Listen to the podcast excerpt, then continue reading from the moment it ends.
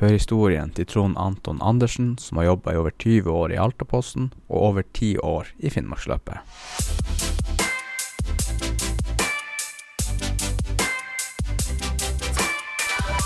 Velkommen hit. Takk skal du ha for det. Kan, eh, kan du fortelle litt om deg sjøl for dem som ikke kjenner deg? Trond Anton Andersen heter jeg. Eh, altaværing. Og der stort sett hele livet med noen små unntak. 50 år gammel, jobber i Finnmarksløpet. Har eh, to ungdommer. To unger, men jeg vil ikke si at de er blitt ungdommer nå. Mm. Ja, du har vært heldig. du har vært noen, eh, noen plasser også. Ja, altså eh, Jeg er faktisk født på sykestua her i Alta. Eh, en, eh, jeg håper det var en vakker høstdag i, i 1970. eh, ja, og vokste opp her. Bodde litt, bodde, mine foreldre var separert, så jeg bodde litt sørpå en, ja, et år, halvannet eh, før jeg begynte på skole. Så har jeg jo vært i militæret et år, og så har jeg gått to år på skole i Oslo. Og så har vi tok familien vi tok et friår en gang, så vi bodde, ja, bodde et drøyt halvår borte. Eh, og så har jeg vært i Lofoten altså et halvår. Men ellers har jeg vært mye i Alta. Det må man kunne si. Lokal patriot. Jeg vil si at jeg er faktisk en sånn Nord-Norge-patriot. Jeg er veldig sykt stolt av Finnmark og, og hele landsdelen. Og, ja, du kan, godt si at jeg, jeg, er glad i det landet vi bor i også, det tror jeg vi alle bør være. Men eh, jeg er en sånn ekstrem sånn nordnorsk patriot. Jeg syns det er så mye bra her, og jeg er veldig sånn heier på bra ting som skjer her, og, og ser også stadig vekk ting som gjør meg enda mer eh, kry over landsdelen vår. Mm. Hvordan, eh, hvordan, skolegang? Hva du gikk på skolen, da? Oi, ja, nei jeg, jeg har brukt briller hele livet, så jeg tror sikkert mange har trodd at jeg, sånn skole, jeg ser ut som et sånn skolelys. Ja. Men eh, jeg var jeg en sånn helt middels.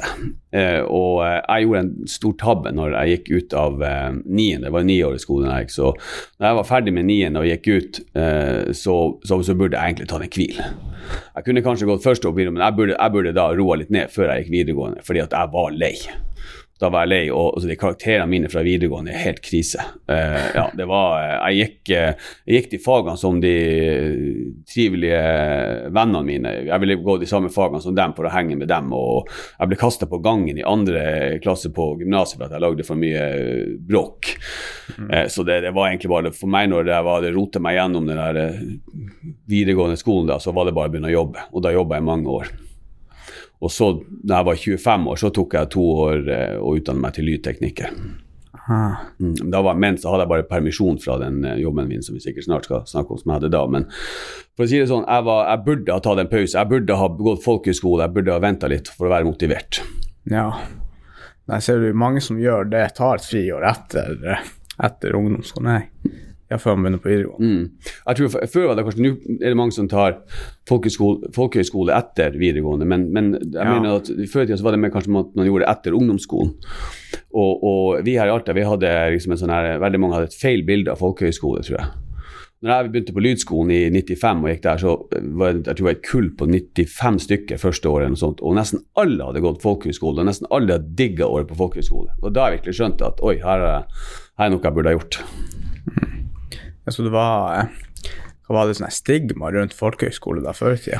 Ja, altså i, i Alta nå så har vi en fantastisk folkehøyskole som heter Alta folkehøyskole, mer, mer kjent som Øytun. da, De har skifta navn nå nylig. og eh, Vi hadde husdel der oppe, jeg gikk på Øvre Alta skole, vi hadde husdel der oppe. Vi kalte dem for Øytun pasienter. Vi, vi, var, helt, vi var så grunne. Vi trodde bare ja. fordi at de var glad og hadde litt annerledes klær enn oss, og det var litt sånn her, juhu, happy go lucky og, og, og strikka og, og, ja, kanskje en del av dem var vel også kristne og sånn, så vi blir veldig sånn stigma mot det. sånn, Nei, det der er bare raringer.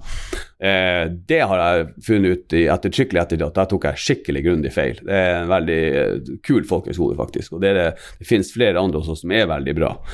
Så der, eh, ja, der tok bare stigmaen oss, rett og slett. Så, eh, så, jeg tror mange med meg fikk et sånn feil inntrykk av folkehøyskole. Mm. For at vi, vi bare misforsto. Vi skjønte det ikke. Jeg tror folkehøyskole er veldig bra for det når man er for ferdig på videregående eller ungdomsskolen, for da får man jo litt puster om å tenke litt hva man egentlig har lyst til å gjøre. Mm. Så det ser jo bare positivt å gå en sånn skolegang, egentlig. Så det er sosialt. Det er ja. veldig, veldig sosialt. Møte nye folk, og alle er positivt eh, For alle er der av samme ja. grunn. ikke sant? Ja. Alle er egentlig happy de er der fordi de har lyst til å være der, og ikke fordi de er, må være der. Ja, Du vil sikkert ha noen eh, som du skal podde med senere som har gått fokus Jeg har jo ikke gått det, men uh, ja, det er en av de tingene jeg angrer på. Ja, Du har ikke tenkt å ta det nå i ettertid? Nei, man skal aldri si aldri, men ikke, ikke sånn umiddelbar plan. Ja. Nei. Og så gikk du lydtekniker. Var det hvor Du fikk vel mye kunnskap derifra? Var det en bra studie? Ja, eh, hvis det når man, er, når man, har bodd i Alta hele livet, så de fleste som Alta er jo ikke så stort. og Noen blir kjent for at de er flinke til uh, å sveise, noen er flinke til å synge. og Jeg har vel kanskje blitt kjent for en som hadde mye med musikk og plate og lyd å gjøre helt fra jeg var 14-15 år. Så jeg holdt på mye med lyd. Uh, begynte med å spille Jeg er ikke så, fan av ordet DJ, men jeg, jeg spilte nå til dans allerede fra, som 15-åring, og du holdt på med det i ja, 15 strake år. Leide ut lydanlegg og ja. for rundt med lydanlegg. og var kjent som DJ Anton, eller Butler Anton var det også. Jeg var levert en del. Sto du da og Jeg, jeg, jeg, jeg, jeg miksa mye, og, og, blant annet så leverte jeg i mange år så leverte jeg sånne ferdig miksa til P3. Okay. Ja, til et program som gikk på P3 som heter Howards bærbare fredagsparty, og det var der de en eller annen kom opp med navnet Butler Anton. Så eh, mange kaller meg bare for Butleren enda. Ah. Ja, så lyder har hengt med og hengt med. Og en vakker dag jeg sto og spilte på Pernille da hadde jeg vært og jobba som DJ i Lofoten i uh, noen måneder. Kom hjem, fikk jeg jobb på Pernille en måned, fikk jeg jobb en måned til, og så dukka det opp en kar som heter Eivind Molde der. Eivind Molde han var redaktør i nærradioen i, i, Alta, og han var også sånn direktør for et bitte, bitte, bitte lite plateselskap som het Spektrum Records. Og hadde, han hadde da to band, tre band. Ja. Det var uh, Cinematic World, uh, White Canyon og Alta Motetco. Og som han ga ut plate med han Eivind Molde ved siden av å være sånn ja, radioredaktør i Radio Alta. Og så kom han og ønska at jeg skulle spille en av de her, jeg tror det var om det var White Canyon eller Cinematic World, jeg husker ikke, men han ville om jeg kunne spille den da. Og jeg sier eh, jeg kan spille det bandet der hvis du gir meg jobb som lydtekniker i nærradioen. Ja, det er greit, sa han. Og da var det en ordning som het arbeid for trygd, og da hadde akkurat lydteknikken slutta. Det visste jo ikke jeg. Så på ja. to dager senere så var jeg på kontoret der og eh, fikk eh, skrevet en kontrakt og fikk eh, 8300 kroner i måneden for å jobbe arbeid for trygd et år i Radio Alta. Ja. Og der ble jeg 21 år. Helsike. hvor, hvor, hvor, har du fått den fascinasjonen av lyd fra? Ja, Gjennom faren min, tror jeg. Han har uh, holdt på mye med lyd, han også, uh, med lydanlegg, og han spilte veldig band. Men han var også sånn uh, platespiller. Så han drev mm. diskotek både her og der. Så ja, lydinngangen kommer den veien. Og jeg lærte meg å sette på platespiller, sånn gammeldags platespiller da jeg var fire år. Barn av regnbuen, Lillebjørn Nilsen. Ja. ja. Tidlig krøkes. Ja, tidlig krøkes. Ja. Nei, så da havna jeg inn i Radio Alta, og arbeid for trygd var jo ett år. Tok ett år i militæret, og så bare kom jeg rett tilbake igjen. Og da, da fikk jeg en sånn halvstilling der, og ble egentlig med hele veien videre der. Og det er jo en ganske lang historie i forhold til Radio Alta, for vi, vi begynte der oppe på, på rådhuset, oppe på bakken. Okay. Og så, eh, Det var der vi holdt til i første. Da hadde vi overføring av kommunestyret. og vi hadde, ja, det var... Leide dere det? Ja, altså, Radio Alta, ja, vi hadde noen veldig billige lokaler. her, så vi sikkert fikk låne dem av kommunen. Radio Alta bestod, jeg ble jo eid av syv organisasjoner. Annet Alt IF Bull, Frikirka, Samiskforeninga, okay. flere. Og så var det noen fast ansatte da, og noen uh, underordninger.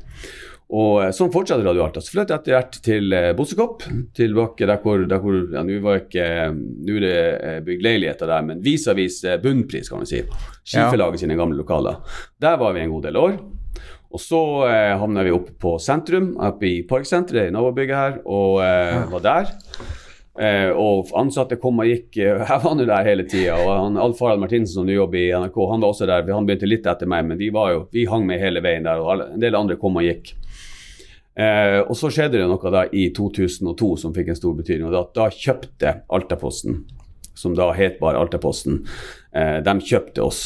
Og så ble de, Det var da etter hvert de ble Nordavis, og, og eh, da de ville bli et mediehus. De hadde egentlig konsentrert seg, men da begynte man i tillegg med en, en veldig god lokalavis, så ble man også satte mye på nett. Og man kjøpte da Radio Alta. Og dermed så flytta vi over dit. Og da ble, vi, og da ble jo de, de her organisasjonene ble kjøpt ut. De fikk lov til å fortsette å sende program, og gjorde, en del av dem gjorde det. Men da, siden den da, så ble radioen eid. Og Alfaro og jeg, vi fulgte med på lasset. Mm. Og, ble, og, da havna vi borti Altaposten. Og sendte radio der. Og så gikk det et par år, og da hadde jeg begynt å surre litt med video også. Eh, Lage litt for eh, det som da het TV Finnmark, som holdt til Hammerfest, og ja, en del andre produksjoner. Og så ble konsesjonen ledig. Og da eh, ga vi all in på Alteposten, og så fikk vi konsesjon i 2004 for å drive lokal-TV. Ja, for man må søke på for å få en TV-kanal, rett og slett. Da var det her, det her ble sendt via TV Norge sitt system, så det var konsesjoner. Ja, ja. I dag kan jo hvem som helst sende hva de vil på YouTube og TikTok Ja, eller ja, hva ja, de er ønsker. Så du trenger jo sånn sett ikke alle, sånn som du holder på nå, alle kan jo bare lage sin egen kanal.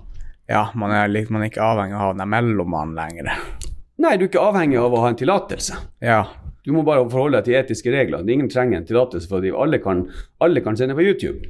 mm. Og noen har jo millioner av eh, seere og lyttere, så, det, så er blitt annerledes. Men vår jobb da var jo helt til å formidle det lokale. Både aktualiteter, nyheter, sport, musikk osv. Så, videre, og så, videre. så da, eh, da handla livet mitt veldig mye om og fra 2004-2005 da var det om å lage TV og drive lokal-TV. Det, for å si det sånn, det var et ganske vrient arbeid. ja, ja. Ja, det var det. Når du drev med denne radioen, da snakka dere sjøl og fant programmer sjøl og hvor, hvor lenge snakker dere om dagen, da? Da var det som regel eh, kan si snittet. Det, det her kom gikk. Vi hadde flere satsinger og sånt. hvor vi, vi var en stund hvor vi var oppe i ganske mange timer. Men generelt så har vel typisk i mange år vært sånn at vi sendte én time på formiddagen, og så én time på ettermiddagen. Og så var det egne nyhetsbulletenger. Men det har altså, programskjemaet der variert veldig. Men Radio Arte har alltid vært kjent for å ha litt sånn formiddagssending. sånn Eh, en stund så var vi tidlig på om morgenen og var litt offensiv, men det, det, det, det har litt med ressurser og økonomi å gjøre, kan man klare. Og eh, selge radioreklame er sikkert ikke så lett i dag som det var for ja, den, kanskje på 90-tallet og sånn, så var det, det å bruke radioreklame det var nok også greit lokalt, men annonsekroner nå, det har endra seg litt, både for TV og radio. Det har det. Ja, Mm, så er jo mye en yngre generasjon er jo mye på byggeplass, så hører jo folk på radio og sånt, men Ja. det blir jo mindre og mindre sånn vanlig radiolytting hjemme i stua. Ja, det gjør det. Det gjør det. Jeg er da en svoren radiolytter. Jeg digger å ha radioen på. Ja, ja. Jeg men jeg vet ikke om jeg er helt, jeg er helt normal der. Men ja. Ehm, så det utvikla seg. Det ble TV Nord, drev den. Og så den siste tida um, så hadde jeg ansvaret både for Radio Alta og TV Nord. Avdelingsleder for begge delene. Og så sa jeg opp i slutten av 2010, for da hadde jeg bestemt at nå skulle jeg, nå- holdt det. Så da begynte jeg Finnmarksløpet da i 2011. Eh, Da, da tok jeg overgangen. Men eh, totalt sett så var jeg altså 21 år i Radio Alta slash Altaposten slash TV Nord. Vi har mye fått enorm eh, kunnskap og erfaring i den perioden. Eh, Ja eh, Det er jo det å jobbe med media sånn, du, du lærer jo litt om mangt, men jeg føler at man kanskje ikke kan ikke veldig mye om noe, men du, du lærer litt om mangt med å jobbe i media. Og du kommer, får en del interessante opplevelser, det gjør du. Og som vi snakka om tidligere, altså den der fascinasjonen for eh, Finnmark Det var det, var det som en åpenbaring når vi begynte med TV Nord, for da handler det ikke bare om Alta, det handler om hele Finnmark. Og det var da jeg begynte å ferdes rundt i Finnmark. Da jeg begynte å kjøre rundt og lage TV-program. Og da ble jeg skikkelig ekstra, kjempe, mega forelska i eh, Ja. Finnmark og landsdelen. Og det- Ja, så dere lagde rapporta rapportasjer fra Ja. hele Finnmark? vi lagde bl.a. en serie som het eh, Finnmark i farger, som vi ble ganske kjent Ah. for. Eh, som rett og slett handler om å vise steder. Møte ålreite mennesker. Og eh, spennende mennesker, snakke med dem og vise steder. Enkel TV, men litt sånn trivelig TV. Ja, du har sånn intervjuopplegg? Ja, ja, ja. ja. Sånn, og jeg er alltid styrt unna det som hardcore nyheter. Jeg er ikke noe god på å lage sånn hardcore nyheter og debatter og, og, Ja. og det å drøfte konflikter og sånn. Jeg har min spesialitet, et, et, et engelsk uttrykk for det. Han har Farad som sa det, sånn, feel good. Ja. Feel good TV. sånn, Det er det jeg liker å holde på med. Ja. Enkelhet, og det har blitt min spesialitet. Og ja, hyggelige møter og kanskje litt sånn Det er ikke sånn som folk eh, Du får ikke en milliard delinger, men, men eh, folk syns det er trivelig å se på. Jeg føler at man kanskje er med å fylle et rom som skal fylles der. ja, det er jo kanskje litt bedre det enn det her eh, konfliktnyheter og bare Hei, hvorfor sa du det, og hvorfor sa du det som konfrontasjonsprogrammer? Ja, altså eh, eh, eh, Konflikt og mot eh, uenighet og sånn, det er jo gjerne det som eh, Utfordringer, problemer, det er jo gjerne det som skaper en nyhetssak. ikke sant? Det er jo det som skaper Ja, ja. interesse, som vekker interesse. Vi, vi kan ikke bare ha det trivelige. Ja. Så det er klart at eh, hvis VG bare skulle hatt I dag går alt bra, ingen ble skada, ja. eh, null promille, ingen slåssing Alt skulle vært Det ville vært en kjedelig avis. Ja. ja du, du, du, du tror, men er det sunt med så mye nyheter og så mye Når du går på VG nå, eller noen av de her nyhets... Eller hvis du ser på TV, da er det jo veldig mye negativt. Det er jo, alt går jo til faens hele tida. Ja, det, det, er jo sånn det er. Vi, vi, mennesker er jo sånn som vi eh, fungerer, som, som vi må ha motstand. Det er kanskje litt sånn som elektri elektrisiteten må ha en motstand, må ha en onds lov der. og Det gjelder vel for samfunnet for øvrig også. Det, jo, det å bruke tid på det er som kan tenke det så men en evaluering. Hvis du sier at ja, det der fungerte, vi, du har gjort noe, du har arrangert noe, så du sier at det fungerte veldig bra, det fungerte veldig bra, der var du helt topp. Mm. Og da tenker jeg ja, men da, da bruker man også kunne si at fungerte. Så var det noen ting som ikke fungerte, og da bruker man jo veldig mye tid. Kanskje har man gjort et totalt sett et kjempebra arrangement, men det var en to-tre punkt som ikke gikk bra. Og Da blir man gjerne sittende og drøfte de punktene og, og diskutere og, og, kanskje krangle og bli ja, for hvordan skal vi løse de her greiene. Og så kan man kanskje oppleve det som en Og sånn er det kanskje at hvis vi bare skulle lese om ting som gikk helt fint og flott og bra, det er jo sånn krim, ikke sant. Eh, påskekrim. Vi, koser, vi, vi, vi, koser oss i påska med at folk blir drept. Ja. Ja, det er jo Det er kanskje sikkert en, en, en folk som har eh, 30 år på skole, forteller liksom litt er spenning. Om, liksom, om hvordan mekanismene fungerer. Men det her med konflikter, det er jo alltid en uh, uenighet. og Det er jo noe som medier mye basert på at man skal liksom ta for seg det. Man har jo et ansvar også for å belyse ting. Ja. Men som sagt, min rolle har nok vært å lage de her litt hyggeligere sakene som også må være der. Som kanskje ikke ses så godt, men som også må være der. Akkurat som værmelding og sport. ja, ja. Ja, så ser vi jo også mye nå i den, dagens miljø går jo veldig, veldig basert på klikk og hvor mye klikk du får, og da må jo nyhetene vinkles litt sånn her konfliktende for at folk skal engasjere seg i de nyhetene, rett og slett overskrifter, og det hører man hele tida. Det ser man den som har jobba mye i avis, de er rå på overskrifter. Hvordan en overskrift tar litt i, men en god overskrift den, den tar litt i, og den får folk nysgjerrig uten at den lyver. Ja, ja. Mm. Man, ja. For jeg leste en, en artikkel her hodeløs kjøring. De insinuerte at han hadde mista hodet. Ja, han skrev den eh, kjørte opp fjellsiden, mistet hodet. Ja, ja, ja, det var, det var mer sånn- direkte. Sånn highmarking med snøscooter. Ja, ja. Det var det det var. Jeg så den også. Eh, det var flere sånn BA-desken på Instagram som eh, Han tok den jo tvert. Ah, ja. Det var faktisk det ene skjerm, det tok jeg sjøl også, og sa at jeg enig at det var kanskje litt vel hard straff for å kjøre noen ganger blir det bare feil. Ja. ja. Hva er det BA-desken er sånn her han tar og ser ja, nyhet? Ja, han, han, jeg vet ikke hvor mange han postene har på hver dag, men han, er, han liker å ha det litt artig. Han, han sprer egentlig litt humør av med finner de artige overskriftene. Ja, det er en sånn Instagram-profil? Ja, det er Instagram. Ja, ja, ja. Han, ja. han er på Instagram. Og så har du jo en av mine favoritter. Det er jo eh, Misjon på eh, P4 med Er det Papir eller radio? Jo, nei, jeg husker ikke. Det er, er Antonsen Golden. Ja, ja. ja jeg hører den på podkast, jeg vet ikke hvilken kanal det er. Ja. Sikkert P4. Uh, eh, jeg hører den bare på podkast, uh, for jeg klarer ikke musikken. ja, ja, og de reklamepausene. Ja, nei, også den uh, der ja, Musikklista deres kunne jeg gjerne tenkt meg å jobbe med. Men, men som podkast, Atle Antonsen og Johan Golden, jeg trives veldig godt med dem. da. Uh, Podkast er, er, jo kult. da, Det er jo en mm. fin måte å få det du vil, akkurat sånn som du vil ha det. Ja, jeg er helt enig der. Ja, det er derfor jeg sitter her. ja, ja. Når jeg ser sjøl Når jeg skal konsumere innhold i dag, så går det veldig mye i podkast, egentlig. Jeg får nyheter som får egentlig via podkast. Jeg er ikke så veldig aktiv på VG, for jeg føler at VG bare er en svær clickbait, hele jævla greia, ikke sant. Og eh, liksom når, du, når jeg f.eks. lager mat eller støvsuger eller går lange turer Jeg liker så mye når jeg går turer, for da er det fint å bare være ute i naturen. Men hvis man f.eks. vasker noe hjemme, da er det fint å ha en podkast å gjøre. Mm. For da kan man liksom hele tida høre mens man gjør noe. Ja. Jeg tar meg sjøl av og til når jeg er ute og sykler litt lengre turer. Så, og så hvis jeg hører på en sånn morsom podkast at når jeg møter folk, og så, så, ja. sykler jeg der med et stort smil og munn og flirer for meg sjøl. Det ser sikkert litt rart ut. Sånn er det jo. Det eneste jeg synes er litt, det er nesten litt på treningssentrene, så syns jeg kanskje at Eh, det, der, det er hva folk har på ørene, de har musikk eller podkast eller hva det er. Men nå er det sånn at alle på et treningssentrum går rundt med sånne propper i ørene. Ingen har noen dialog med hverandre. Akkurat dem sier at det er litt eh, ja, det, Kanskje det, litt mye noen gang. Ja. Du, du, tør jo ikke snakke til noen, for du vet ikke om de hører noe, sånn at det blir misforståelser. Sånn, så det ja, Jeg skulle ønske kanskje at vi kunne ta ut de proppene. Jeg bruker bare, hvis jeg skal få kontakt med noen på treningssentrum som har propp, og så bare gjør jeg sånn og later som jeg sier noe, så tar jeg bare Hæ? Så bare, ja, ja. Slipper man å ja. kuke det helt til. Ja, jeg, jeg, jeg, jeg ser den. Absolutt. Ah. Nei, det er nok mye, mye propper. Men før i tida, da folk har kanskje alltid funnet sånne distraksjoner, for jeg ser jo eh, når folk sier ja, ungdommen i dag sitter jo bare på de telefonene, men så ser man bilder fra 1950-tallet f.eks., eller 1960-tallet, så satt de jo med avis når de satt i de bussene og trikkene. Alle satt med hver sin avis, helt oppslukt. Jeg vil ikke snakke med en en kar i nærheten en gang. Så det er jo mye av det samme.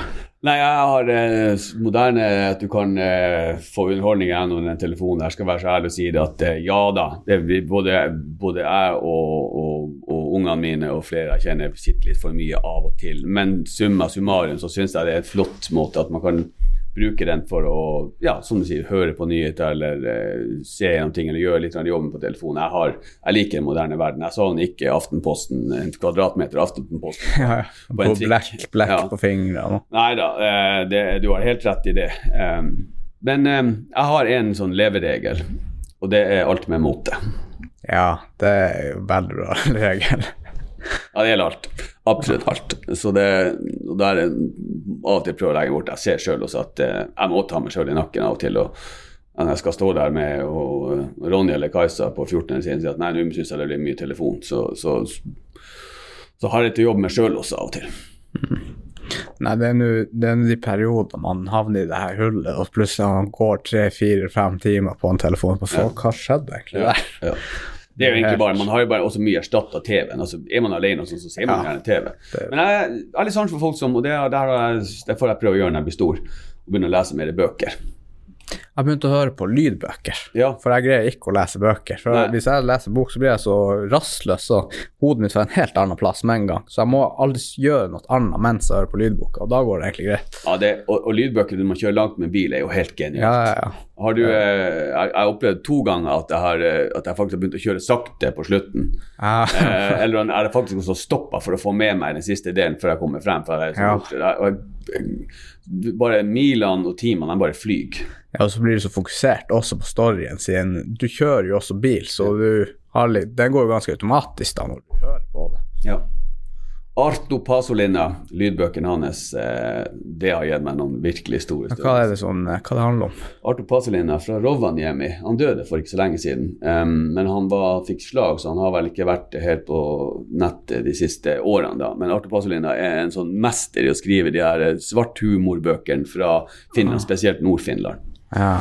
Og eh, han har, måten han skildrer eh, ting på, syns jeg Jeg har ikke så greie på forfattere, det er det meste han her, da.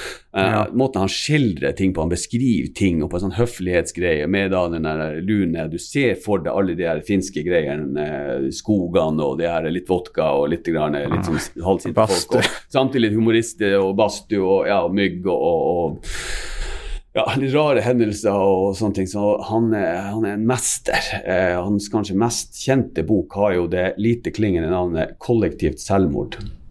Det, det navnet tror jeg har hørt. Ja, ikke sant? Det er ikke sånn, Skal vi ha en trivelig bok? Du? Nei, la oss lese 'Kollektivt selvmord'. Ja. Den, er nok, den er nok artig. Kanskje vi legger den bort. Det er en feel good-bok. Det er feel good. Det er jo det det er. Det er akkurat det. Det er en skikkelig feel good. Eh, det er helt fantastisk. Og da drar de, de stopper på polet, den gjengen som skal ta kollektivt selvmord. da. Jeg skal ikke si for dem som ikke har sett den eller lest den eller hørt den. Spoiler, jeg, si, jeg skal ikke spoile den, men de kan i hvert fall si så mye som at de, de havner i en buss, og de, eh, de stopper på Vinmonopolet i Alta oh, ja. og handle før de skal videre. For de har tenkt å ta livet av de skal kjøre ut for eh, Nordkapplatået. Å, oh, helvete. Ja. Så det, her, det er supermye humor i den her. Og hvordan det går med dem, om de eh, dør utfor der, det, det får folk eh, lese. Men det er, en, det er en utrolig bok. Harens år er også helt fantastisk. Så eh, ja, jeg er ikke veldig god peiling på forfattere, men det er en som ja. er helt rå. og det, Jeg husker jeg leste en artikkel også en gang som alle elsker Pasolina, sto det. Så det stemmer nok, det. Ja. ja. Og han, de har På biblioteket her har de, men det, det spørs om folk kan spille av CD-plater nå, da. Men ja. sånn, jeg tror de er sånn fem, seks, syv CD-plater inni der. Jeg har enda en Golf 98-modell, så det skal Oi, gå helt der har fint. ja, der har du. Det er nok med CD-spillere. Sikkert kassett også der en plass. ah, ja, nei, men herregud, jeg skjønner ikke hvordan folk greier å skrive en bok i det store og hele. Det må jo være et helsikas uh, arbeid. Men det er jo Ja, møtt noen eh, skribenter opp gjennom årene, og ja. Nei, eh, all ære til folk som, har, som klarer det, da. Og eh, ja, absolutt. Ja, jeg har hørt på jeg hører mest på podkast nå, men jeg har hørt på noen Jeg hører på den der Steve Jobs eh, pod, nei, boka hans. Den var egentlig ganske veldig engasjerende, den lydboka. Man ble, ble liksom dregt inn, og så tok de liksom hele historien fra han starta Apple, og han var visst litt sånn psykotisk og eh, douchebag og eh, litt ukontrollerbar, rett og slett, og sa hele tida 'this is shit, this is shit', og ja. Jeg mener jeg ser en film om han, om den er sånn fritt tolka, eller Jeg tror Jeg lurer på om jeg ja, Var det ikke en film som eh, Jo, jeg mener jeg har sett den. Han der Aston Kutcher, har ikke han en Nei, det var typer, det der. Ja. ja han har prega oss. Hvilken telefon Ja. har du? Eh, Nå har jeg faktisk Samsung. Hæ? Ja, jeg har Samsung, men jeg har en iMac og en Macbook og AirPods. Ja, okay. Ja, så du er, Så nå er sist eh, Nå må jeg Jeg har bestemt meg egentlig for at når denne telefonen blir ødelagt, så tror jeg kanskje jeg går for en iPhone. ja. For jeg hører liksom at eh, alle Apple-produktene de har så eh, eh, De jobber så godt med hverandre, ikke sant. Det tror jeg er fordelen med Apple-produkter. De er så flinke å integrere produkter mot hverandre. ja. Jeg bare innrømmer glatt, det er ikke noen unnskyldning. Jeg er en del av menigheten deres. Så det, Ja. det Jeg begynte en gang å skrive ned Hun yngste dattera mi vi er litt sånn, vi liker sånn av og til liksom duppeditter. Så, så vi begynte å skrive ned hva vi, har, hva vi hadde kjøpt opp gjennom årene av sånne Apple-produkter. Det, ble, det ble stygt til slutt. Jeg har det liksom. Alle, alle produktene. Ja. Men det, det for meg er det et godt verktøy. Det det. Men det finnes sikkert mange andre gode verktøy også. Så, så det, men eh, ja, så det, det, det han starta der, det er jo spesielt. Og det er jo et Jeg vet ikke om det er så mange sterkere merkenavn i verden enn Apple. Nei, det er jo hva det er verdt to trillioner dollar nå. Det er en de- Ja, Ja, gang, sånn, men med sånn, Nei, sånn, det er det som på sånn, eh, sånn sterke navn og sånn, jeg vet ikke hva Men at på en sånn ordning så er de vel blant de, blant de største. Mm. Jeg tror, jeg tror Windows har eh, mark, den største markedsandel på operativsystem, men oh, ja. jeg, tror, jeg tror Apple liksom er, er det beste. Det er virkelig liksom, for min, Når jeg hører Apple, så hører jeg liksom eh, Da er liksom veldig gode produkter som er gjennomtenkt, og de har hevet hele sjela si i det. Alt skal liksom fungere. Og, men de har jo bra markedsføring også. Ja, eh, dessverre så Jeg skulle gjerne ha dem med som eh, partner i Finnmarksløpet, men det kan nok bli vanskelig. Ja. Vi hører om de eh, blir med. Men vi har en veldig god eh, part i Finnmarksløpet. Vi skal snakke litt om det etter hvert, men vi har en veldig god datapartner der i Seritel Tele, faktisk. Ja, ja, ja, ja. ja de er jo veldig, veldig nært oss. Ja. Men eh, hva, hva eh, Du hadde bare lyst til å prøve noe nytt når du slutta i Altepassen? her? Ja, eh, hvis vi tar overgangen nå til, til Finnmarksløpet, så eh, I 2000 og Nei, la oss nå rykke til 1983, faktisk. Hvor Da var jeg, det året jeg fylte 13 år. Da var jeg i um, eh, på- Gikk på Øveralta skole. og Da fikk vi eh, være vitne til starten på Finnmarksløpet 1983. Jeg tror vi så starten i 1984 også, faktisk. Var, var det de første? Først gikk jeg 81. Ja, ok. Ja, eh, men det starta ved Gargia-elva. Eh, men eh, 82, fra 82 og sånn har det starta overalt. da. Eh, og det gjorde det i mange år. Og da fikk, Det var det første gang jeg så Finnmarksløpet. Naboen kjøpte en hund og ble etter hvert med der, så jeg fikk litt av den inntrykk av det. Men det var først, og jeg var også sånn på 90-tallet noen ganger ved Strand camping og tok imot noen vinnere og gjorde en intervju. Jeg hadde ikke peiling på det og brydde meg ikke så mye om det. Ah, ja. Men 2003 så ble han Alf Harald Martinsen og jeg vi ble med og lagde Da hadde vi fått litt støtte fra Medietilsynet gjennom eh, lokalradioen. Så vi ble med rundt og fulgte hele veien rundt 1000 km. Det var første året den gikk til Kirkenes. Og jeg ble fullstendig hekta og havna i bobla og ble en sånn ja. venn av Finnmarksløpet. Fikk meg min første husky og innså at jeg ble ikke noen stor hundekjører, men jeg begynte litt med hunder sjøl og ble kjent med en god del hundekjørere. Og eh, lagde mye stoff fra Finnmarksløpet hvert år gjennom den vanlige jobben min og var veldig ivrig. Og for meg var det faktisk sånn at at vi lagde jo en del gjennom TV Nord så vi selv syns, vi synes, vi synes selv vi var litt sånn revolusjonerende hvordan vi klarte å formidle Finnmarksløpet med de stakkars pengene vi hadde. Så nå da storebror NRK liksom også så det her at jøss, her er det et potensial, eh, så ble de med. Og fra 2009 så har jo de dekt eh, Finnmarksløpet. Og da var det jo lille eh, mediehuset Altaposten og meg, vi ble jo bare smågutter i forhold til NRK. Alle snakka om NRK. Så det var liksom nesten som en sånn, sånn kjærlighetssorg, fordi at eh, eh, Ja. Vi, Ja, det var deres, egentlig. ja, vi følte liksom at det var vår, men samtidig så herregud, vi unna jo eh, Finnmarksløpet og gå sky high, og det gjorde de jo da, med 500 000 seere på NRK hver dag. og sånt. Så, og så Finnmarksløpet var stadig mer fascinerende. Så ble jeg kjent med en del av deltakerne. Sånn, så du gjorde et intervju med Hans Petter Dalby, en herlig fyr som nå da er programleder på TV-sendingene. Eh, men som da jobba som presseansvarlig i Finnmarksløpet. Og så skulle han slutte. Så jeg tror det her var sånn i september-oktober 2010. Så jeg gjorde bare et radiointervju med han eh, om det. Og når vi hadde gjort det intervjuet, at han skulle slutte, så sier han mens vi hadde skrudd av og bare prater litt skit før vi la på røret, så han faen, må søke, Anton. Kom igjen, søk. Ja. Så tenkte jeg ja, jeg skjønte jo at jeg kom til å gå ned i lønn, og eh, ja, at eh, Men så var jeg samtidig Jeg hadde kjent at jeg hadde ikke møtt veggen, men jeg kjente at jeg begynte å bli det begynte ja. å bli lenger. Jeg hadde vært, jeg tror ikke man skal være så mye mer enn 20 år. Hvis da skal du trives ja. bra. Som det er ikke noen regel, ja, ja. men jeg tror nok det var sunt. Så da søkte jeg, og så fikk jeg jobben. Og da i januar 2011 så begynte jeg der. Siden har jeg vært i Finnmarksløpet.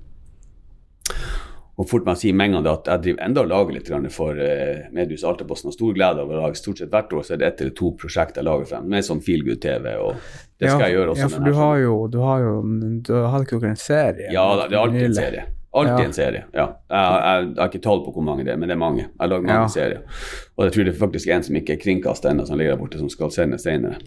Ja. Men i 2011 da ble det Finnmarksløpet, så da ble jeg en del av dem. Så uh, Det er et engelsk uttrykk som heter 'if you can't beat them, join them'. Det stemmer ikke helt her, da, men det, da ble jeg en del av Finnmarksløpet. Og da ble jeg selvfølgelig også veldig måtte jo ta godt vare på mine gamle venner i Alteposten også, men, men, selvfølgelig så ble NRK det å jobbe for NRK, hjelpe NRK med å få til de sendingene sine, ble jo en viktig del av min jobb, og det er det jo den dag i dag.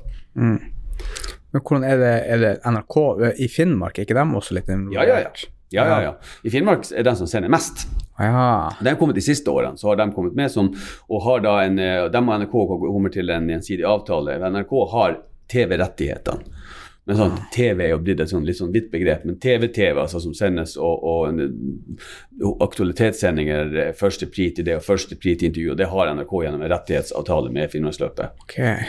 Eh, men i Finnmark, og de blir enige, og så i Finnmark får lov til å sende på sin kanal da, eh, gjennom A-media-systemet, så lenge de ikke ja, gjør ditt og datt. De har en, en, en, ordning på det.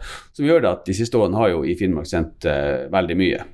Og det er jo tøft, da, at det er en sånn ja. langdistansekanal. De har jo også et budsjett, men det er klart det er veldig, veldig dyrt, det her. Så det er ja. eh, Vi er jo takknemlige for at noen vil gjøre det på den måten. Og Finnmarksløpet har jo vært en blanding av eksterne medier som sender mye, men også at man faktisk har produsert ganske mye sjøl. Mm. Eh, og historien til Finnmarksløpet er ganske Vi har holdt mange foredrag om den, for å si det sånn. Ja, for eh, i Finnmark de streamer dem kontinuerlig gjennom hele, hele løpet. De siste årene har de gjort det, ja. Det er det, ja. Så de, er de egentlig, de er plassert på eh, hvert checkpunkt, eller hvor mange checkpunkt ja, er det? Da, de, ja da, de er på de ja. fleste checkpunkt, men det, noen ganger er det bare et kamera som står som er fjernstyrt. Ja, ikke sant. Så gjør dere noe sånn pop-up-intervju, eller gjør dem sånne pop-up? Ja, da de har egne sendinger hvor de har programledere i studio og Ja. Ja, for den her eh, du, du, snakker vel også ganske mye under det her Finnmarksløpet? Min jobb er å være speaker. Ja, og da, da er du på i Finnmark og på NRK sine da?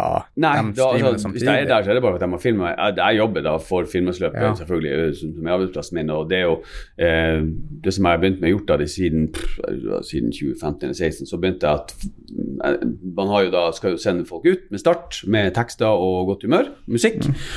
Og så tar jeg imot alle også.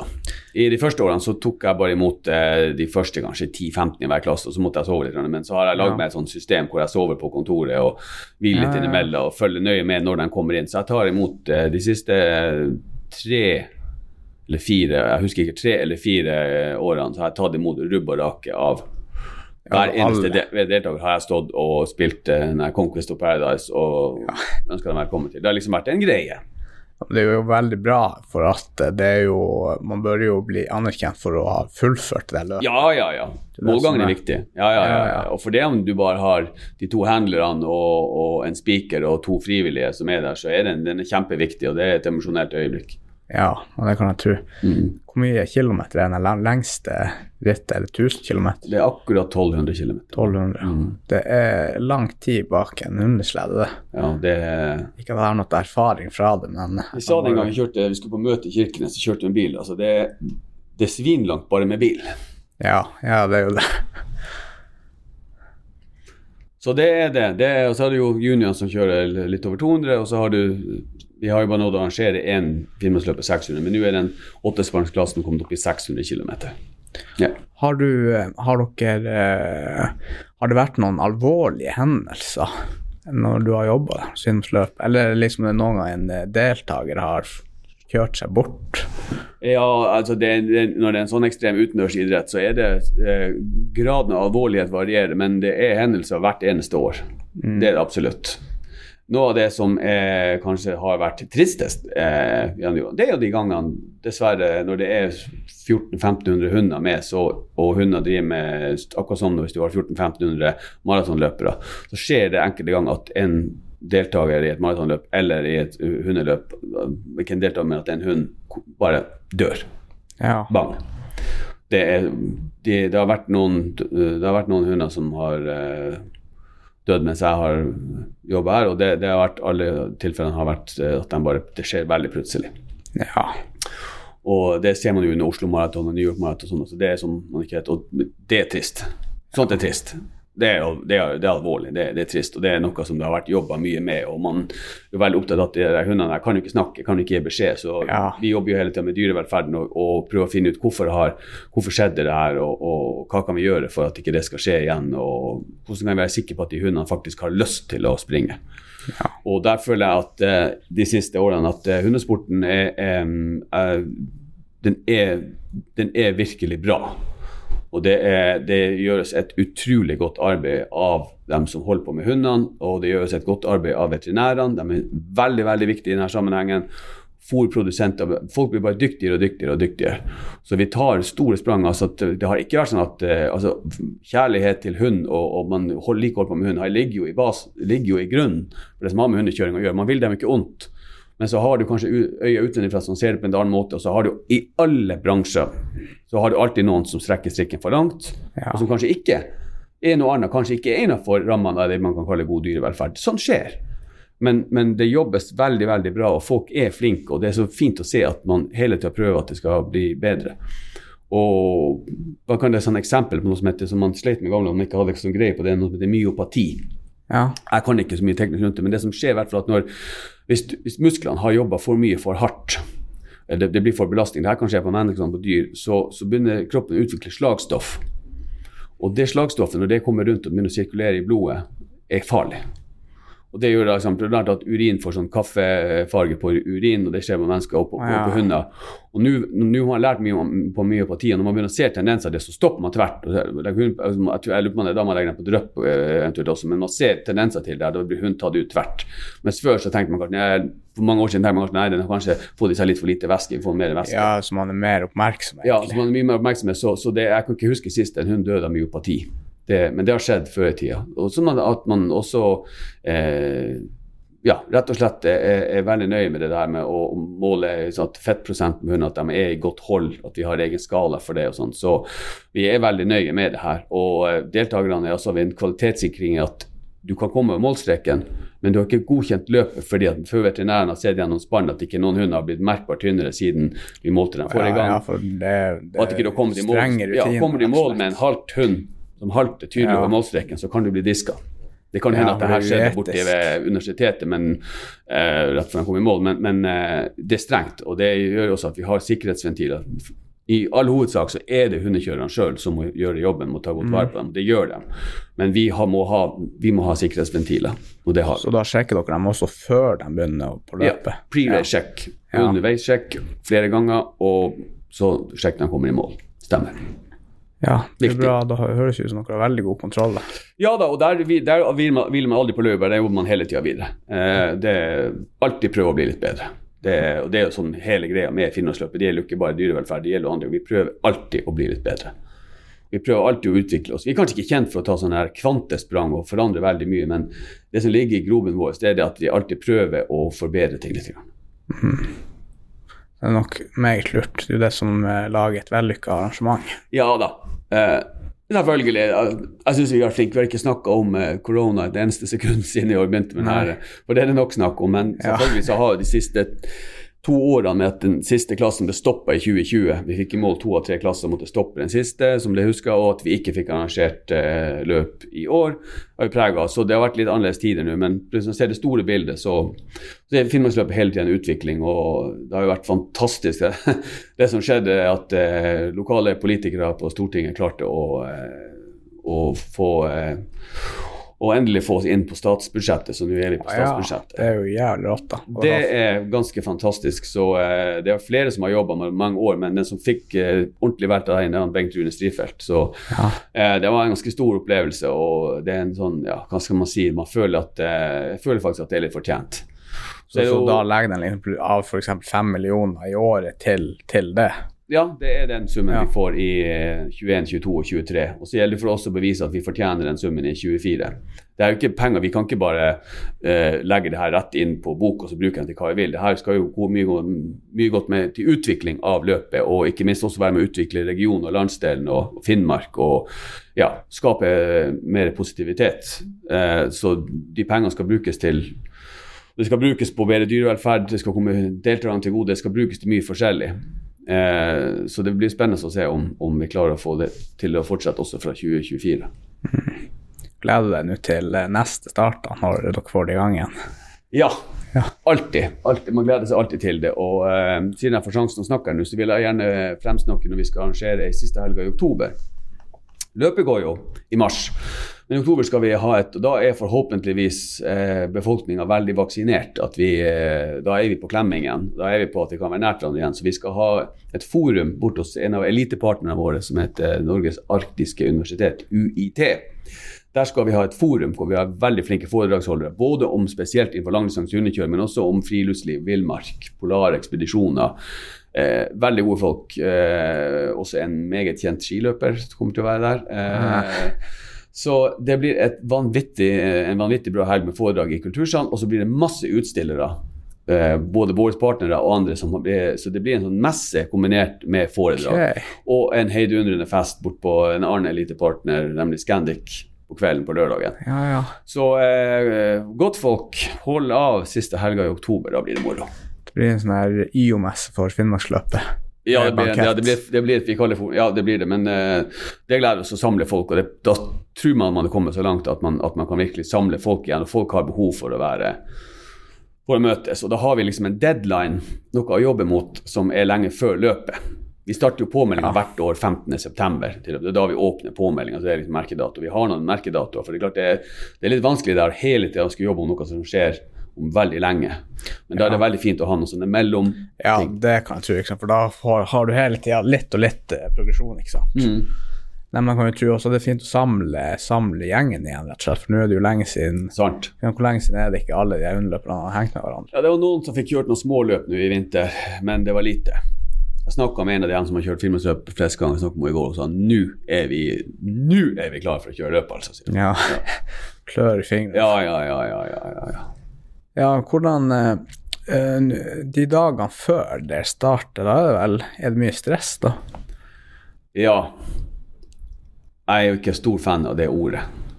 Nei. Det er mye å gjøre. Ja. Det er hektisk. Jeg liker ikke ordet stress. Jeg syns det er så negativt lada. Eh, det er egentlig ja, sant. Ja. Um, men da er det mye å gjøre.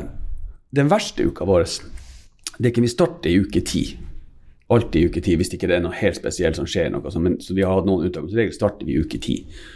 Den verste uka, og da starter vi da fredagen. Ja. Den verste uka er uke ni. Ah. Eh, og åtte og ni. Eh, for da, fra, fra uke ti, når den begynner, da, den begynner vel på mann, eller begynner en uke på mandag eller søndag, men i hvert fall ja, den uka før den startuka, de fire dagene før start, da kommer det masse folk, masse gode hjelpere. Og det er deltakerne har begynt å komme, da er det liv og rør, og da er maskineriet i gang. Og da er man på en måte Da begynner det å bli Da, da begynner det å virkelig fungere. Men den uka før, hvor før der er mange som ikke har kommet ennå, den bruker av til å være litt eh, ja, det, da, da, kan det være veldig tøft, og da begynner du å ja. kommer vi i mål med det. Sånn, ja. Stille før stormen. Ja, det, det, det, det, det, i hvert fall Da er det da er det altfor mye gjøre. Det kommer de her overraskelsene man ikke ja, ja. Eh, helst skulle hatt. og sånn, Så den uka er, er, er kanskje årets tøffeste uke. Men eh, det som er så deilig også, sånn, så har man et arrangement, og det går jo som regel bra. da, Man avslutter og får folk i mål, og søndagen i uke 11 så er det ferdig. Og da er det så deilig liksom, å vite at ok, nå har jeg en jobb hvor jeg virkelig kan nå kan jeg slappe av, roe litt ned, vi evaluerer, vi rydder litt, så hviler vi godt opp. Og, og mm. ofte da så sover jeg tolv timer i døgnet i gjerne eh, ja, 14 dager fremover. Kroppen sier at nå, Anton, nå må du, ja. må du ladde. Da kan vi virkelig si ladde. Nå må ja. vi ladde. Fordi at du har presset deg ned i to, tre og fire timer søvn hver dag over en sånn ti-tolv dager. Da, da får du, jeg får en retur på det. Ja, ja, selvfølgelig. Ja, og det tror jeg gjelder. Og, men når du da begynner å kvikle til igjen, ikke sant? og kommer påska, og så har man, har man, gjort arrangementet, så det er en veldig deilig følelse. Altså. Ja, ja. Og før, hente seg litt tilbake. Ja, før når jeg jobba i Altabossen i år, når jeg dekte den, da var det ekkelt, for da var det sånn her Når mandagen kom, da var det å begynne å lage andre ting. Ja, ikke sant. Da var det fulltidsjobb. Ja, intervjue politikere om saker man egentlig kanskje ikke syntes var så spennende. Og da var jeg ute av bobla, alle hadde reist hjem. Da var jeg ordentlig trist mange ganger. Ja. Så da er det jo det veldig, sånn, det er veldig bra da, at du jobber her, da. Ja, ja, ja. Rett. ja, ja så den, avslutningen på filmsløpet er mye artigere nå enn den var i gamle dager. Ja, ja. ja men det kan jeg tro. Ja. Men har, har, du noe, har, du noe, fritid? Har du tid til noe på fritida? Ja, ja da, ja da absolutt. Eh, fritida er jo viktig, og um, jeg vet ikke hvorfor det, men det er jo når du runder 50, så er det liksom du blir enda mer obs på en del ting. Og når du er 60, blir du sikkert enda mer. og sånn er det for hvert tiår. Men 50 er kanskje en veldig spesiell, da, og, og, eh, jeg prioriterer absolutt å ha en del fritid. Men en del av det jeg liker å gjøre når jeg har fri, er å jobbe litt med gøyale prosjekt. Mm. F.eks. nå så dukka det opp en, eh, en, eh, en, en, en forespørsel her om å holde droneskole. Ja. Og, og, da tenker jeg ja, ja, det er jobb, det er betalt jobb ved siden av, men, eh, og jeg må bruke feriedagene mine til det, men det er jo artig. Det er jo kjempeartig å få lov til å gjøre sånt, og det, det, det, gir mening. Og da er det på en måte, da kombinerer jeg på en måte noe som jeg syns er en artig syssel, med, med, at man faktisk også tjener litt penger på det. Så kan det være at eh, så er det jo noen av de prosjektene jeg gjør hvor jeg er ute og, og reiser og møter folk. Ja da, jeg må være konsentrert, og må, må, du må jobbe, men allikevel, du får reise til en fin plass, du bor kanskje et ålreit sted, en nydelig plass å se, og dem som er der, er veldig glad for at du kommer. og ja, Det er god stemning, og, og du, i tillegg så kan du ta ut lønn for å gjøre den jobben. Ja, så, så sånn, gjør du noe du liker. Ja, så det er at jeg, jeg, noe sånn, jeg blander nå litt den der eh, business and pleasure, eh, litt grann, eh, på den måten. Ja. ja. Men eh, absolutt så gjør jeg også en del ting som ikke har med jobb å gjøre. og da det, det, det, mine favoritthobbyer, det er Jeg liker å være ute, rett og slett. Mm. Det, det, ute kan være å sitte ute med gode venner og drikke kald øl. Det syns jeg er dødskoselig. Ja, det blir ikke noe bedre enn det. Eh, det er å sykle lange turer, gå lange turer, jogge litt, eh, være på hytta, eh, reise litt. Ja, men mye være ute. Det er kanskje min største fritidssyssel. I tillegg til at jeg i alle år siden ungene begynte på fotball, så har jeg alltid hadde en eller flere roller innenfor fotballen. Så jeg, det er en fin måte å få vært ekstra sammen med ungene og ungdommer. Være trener da og sånn. Mm. Og det har også tatt en del av fritida. Så har jeg alltid hatt hund, og de skal jo nå er det sånn, Før så trente man at de trakk meg, men så fant jeg jeg kan ikke ha fire hunder som trekker meg. Jeg er jo 40 år, jeg må jo bevege meg mer sjøl. Ja. Så det slutter jeg med. Men så nå er jeg ute og går tur. Vi har en uh, bitte liten Jack Russell Terrier og en uh, gammel sånn, Malamut Husky. Så de skal ha litt av fritida, dem òg. Mm.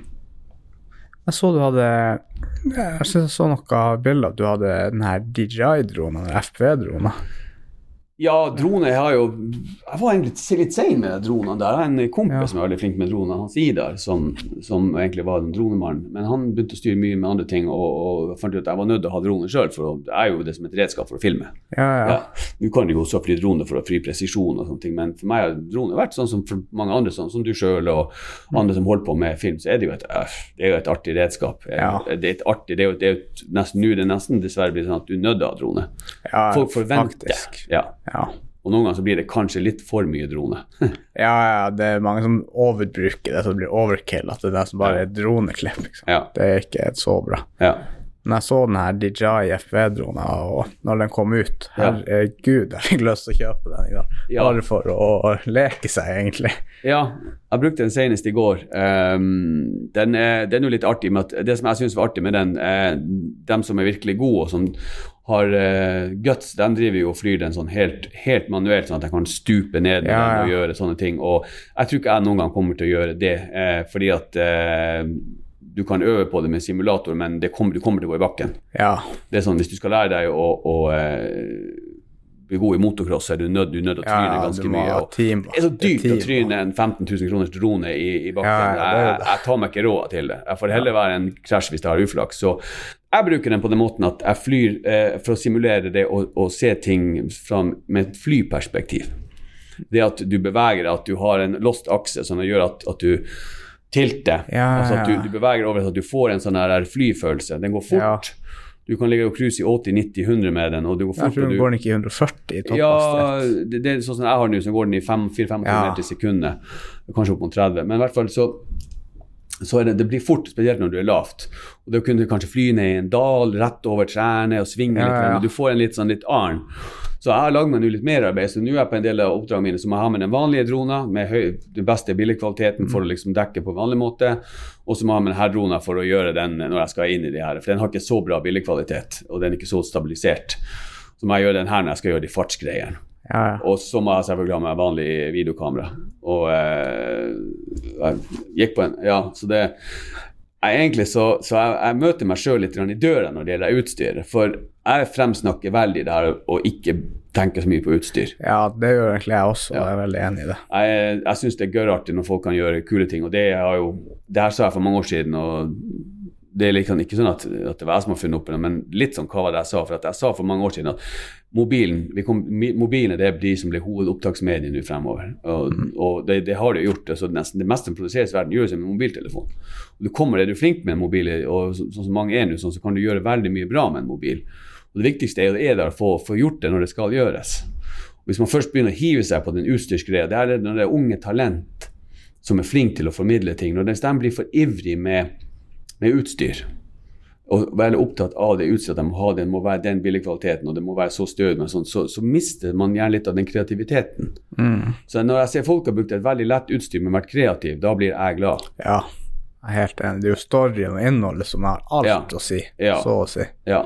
Så jeg har gått litt til, også tilbake til at jeg har kjøpt meg et, et billigere videokamera som er videokamera er så sykt mye lettere å holde på med enn uh, den Lea-mikken med speiderflekser med stabilisatorer og tynne ledninger og sånt. Man, mm. Spesielt når man holder på med hund, f.eks.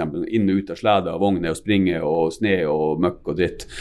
Så er det å ha et lite, enkelt utstyr er veldig mye lettere. Så jeg har brukt det mye i det siste. og sånt. Men jeg ser også det når jeg skal lage dette. Jeg skulle ønske at billigkvaliteten var litt bedre, men sånn, sånn, er det av og til. Sånn er det med drone også. Uh, sky is the limit, men uh, jeg, har en, jeg, har flere droner. Blant den, den, rimeligste jeg har, er kanskje den jeg bruker mest, for den tar så liten plass, og den får jeg faktisk med meg. Ja, det det den store gidder jeg ikke å drasse på, for jeg skal ha med andre ting. Jeg skal ha med mat på tur, jeg skal ha med drikke, ja. jeg skal ha ekstra klær, og så skal du enda ha en tung drone og et tungt kamera, og så enda to droner. Det her går jo ikke, jeg må jo leie inn en Sherpa. Det merka når vi gikk over fra til de her kameraene. Vi hadde, jeg hadde jo en sånn 1DX Mark 2, svær murstein. Og så gikk vi over til de ASI 3-ene. Ja. Det ble så mye Det ble så enklere å bare ta med seg kamera når man skal ut eller gjøre noe. Ja. Det, er så mye, det er mye mindre styr, ikke sant. For ja. den er svær, det er så tung og jævlig, hvor faen skal jeg ha den her, ikke sant. Og, men det er så liten og lett å hive den tar ingen plass, liksom. Og sånn er mobiltelefonen også. At, ja, ja, du, ja, og det gjør jo at eh, det, det, ser man jo, det ser vi jo hele dagen. Når vi går på Facebook og Instagram og, og, og Snap, så ser vi jo folk de, Det er jo historier, nå er det jo stories som er inn, og det er stories, stories, stories, stories overalt. Folk de dekker det de gjør. Så kan man selvfølgelig diskutere mye om enn om hva som er interessant, og skal vi få så mange middagsretter i fanget. Men eh, det er i hvert fall folk formidler. Nei, Jeg koser meg egentlig med det, det meste. Jeg, jeg syns det er gøy. Folk har, folk har mulighet til å få filma ting på artige steder. så er det, Jeg blir inspirert av det. Absolutt. Ja, for det åpner jo muligheten for alle å lage innhold, da. Ja, ja, som før kanskje var reservert til dem som, som, var veldig interessert i Og så er det jo sånn at dem som lager hvem definerer godt innhold? Det er jo opp til hver enkelt. Men dem som lager innhold som mange liker, vil jo også få mange delinger. Ja. ja. Eh, og mye treff og det har vært en del, Facebook har jo vært helt rått der. du har, Hvis du lager noe bra på Facebook og fordeling, så har du fått vanvittig mye spredningsgrad. Mm. Eh, der ser jeg dog at det har kommet inn en endring nå, da. At ja. eh, de skal ha betalt. Ja. ja det, det, kan sikkert du Ja, det, det, blir mye mer, men sånn er det med alle plattformer. Det blir mer og mer og mer betalt, ikke sant. Ja, det, men nå er det jo TikTok som er sånn herre der har du mest sjanse for å gå viral, er jo på TikTok. Det er jo masse med ti millioner likes. Ja. Millioner av seere på en video som er laga med telefon. Helt enkelt. det, men innholdet. Det er det som er Jeg har forbud mot TikTok.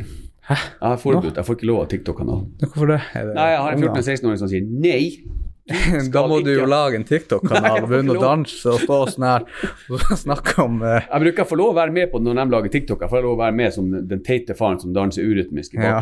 Det får jeg lov til av og til, uh, og det er litt artig. Men uh, jeg får ikke lov av TikTok-kanal. Der er de krystallklare. Så jeg følger reglene, så jeg får ikke ja, Men det kan jo hende at det seg. Greie, liksom. ja, for det her var, begynte jo som en ren barnegreie, mens nå er det jo blitt Ja. det er vel, Nå er bestemor og oldefar også på TikTok bare, jeg tror kanskje det er navnet jeg tror mye navnet der som gjorde at liksom eh... Men sånn der er det jo Jeg, jeg har hørt litt historier. Det er sånn der med hver eneste plattform som kommer. Liksom. Hver gang det kommer en ny plattform som Instagram Ja, nei, det er jo bare fotografer som bruker det der. Det er jo ikke noe for oss. Og plutselig alle der. Også på Facebook. Facebook er bare for sånne her college students, ja. ikke sant. Det er ikke for noen andre. Og plutselig er hele verden der. ikke sant. Nå er det jo to milliarder brukere på Facebook. Ja. Det er lett. Ja, eh, og, og, Facebook er for oss et, i Finnmarksløpet så må jeg si at det har vært en fantastisk verktøy. Mm. Det å kunne formidle ting til våre følgere hele året. Vi har en hjemmeside, men du vet at hjemmesider drukner. Altså, hjemmeside må ha levende innhold hele tiden. Må være en grunn. Folk går ikke på finnmarksløpet.no daglig for å sjekke. Hm, lurer på om det ligger en ny sak der nå. Mens når vi får det trykt opp i feeden deres via Facebook, da kan vi formidle budskap når vi har det. Det er ikke vi sånn at vi på død og liv skal poste så mye hele året. Vi føler at vi må kanskje ha kanskje på en stil hvor vi, vi, vi må ha noe innhold. Vi er ikke omgjort for oss at vi skal liksom brande oss sjøl gjennom hele året. Mm. Men for dem som ønsker det, så er jo Facebook genialt. Det er jo eh, og sammen, du, du får formidla på en, på en og er du, eh, bruker noen små kroner, altså, så, så, når du langt. Ja. Jeg, må, jeg syns det er selvfølgelig litt synd av mine gamle venner i mediebransjen som gjerne skulle solgt eh, dyrere reklame av TV og radio og nettannonse og også avisannonse. Mm. Det er nok ikke så lett å være der nå når folk Nei. bruker markedspengene litt annerledes. Ja, for nå er det jo, Alle er jo på Facebook. 69% av eh, befolkninga over 18 år i Norge bruker Facebook hver eneste dag. Ja. Så du har jo så å si alle. Det er jo, du får, finner ikke en annen plattform som har så mye brukere på seg. Så har du 69% 69, ja. ja. Det er den siste. Ja, og så da tenker jeg at 69% bruker hver dag, som du sier, og 68% av dem sier at uff, det er mye tull på Facebook. Ja, ja, ikke sant. likevel, man er der. Ja, ja, ja. Og det er mange jeg spør, snakker med foreldrene mine og sånn her. Det første jeg sier, jeg er nå ikke så mye på Facebook, men jeg så det her på Facebook. Kom av menn, ja. Ja, ja, ja. det er veldig vanlig. ja. Nei, så det, det, det, er nok uh, ja, Sånn Se og Hør var i gamle dager. Det var jo sånn at Se og Hør Det, det kjøpte de. Det, sånn, men det programmet, det er det bladet som uh, ingen, ingen, kjøpte, men alle leste. Ja, ja. Men uh, ja, det ser vi også spesielt på små bedrifter, hvis vi skal komme inn i et marked. Små bedrifter som spesielt ikke har så mye markedsbudsjett. Da er Facebook en veldig god måte å nå ut til kunder, egentlig for å vite at de fins. Mm. Men uh, har du et Hvis du kunne gi deg ett tips med all kunnskapen du har i dag, til ditt 20 år gamle sjøl? Hvis jeg plutselig var 20 år? Ja, eller hvis du kunne gi et tips til ditt 20 år gamle selv? Ja. Med den kunnskapen du har i dag? Uh, jeg ville nok uh, uh, jeg tror at uh, tipset måtte vært uh, å uh, tørre å slippe seg litt mer løs. Og tørre litt mer. Jeg tror mitt liv til nå har vært prega av at det har vært litt sånn her Jeg er jo er litt høyt og lavt og har litt mye energi. Men jeg er litt sånn her Jeg tør ikke å Tør ikke å ta det helt ut. Tør ikke å gjøre større endringer. Veldig sånn endringsreservert. Eh, blir for grundig på en del ting. Og jeg har litt sånn sansen for folk som bare Nei, nå flytter jeg hit, jeg begynner med det. Nå gjør jeg det. Eller ja, hvorfor ikke? Jeg investerer inn der. Jeg tør å holde på med det. Eller ja, tør å satse på noe som er uortodoks. Jeg tror rett og slett det at eh, tørre med det du kanskje drømmer om, og det du har, har egentlig kunne tenkt deg, men som du ikke vil gjøre og ikke tar sjansen på. Jeg tror det å tørre måtte ha vært det ene tipset. Det er jo veldig bra tips. Jeg er helt enig med deg også. Jeg tror ikke det blir noe bedre tips enn det, faktisk. for, for, for, for, meg hadde det i hvert fall funka. Ja. Nei, da vil jeg egentlig bare takke at du tok tida ut av dagen og kom og snakke litt her. Det var, du, det var veldig, veldig, hyggelig. Det var det. Veldig ja, hyggelig samtale. Det var koselig. Mm. Så uh, lykke til videre også til media igjen. Takk, takk.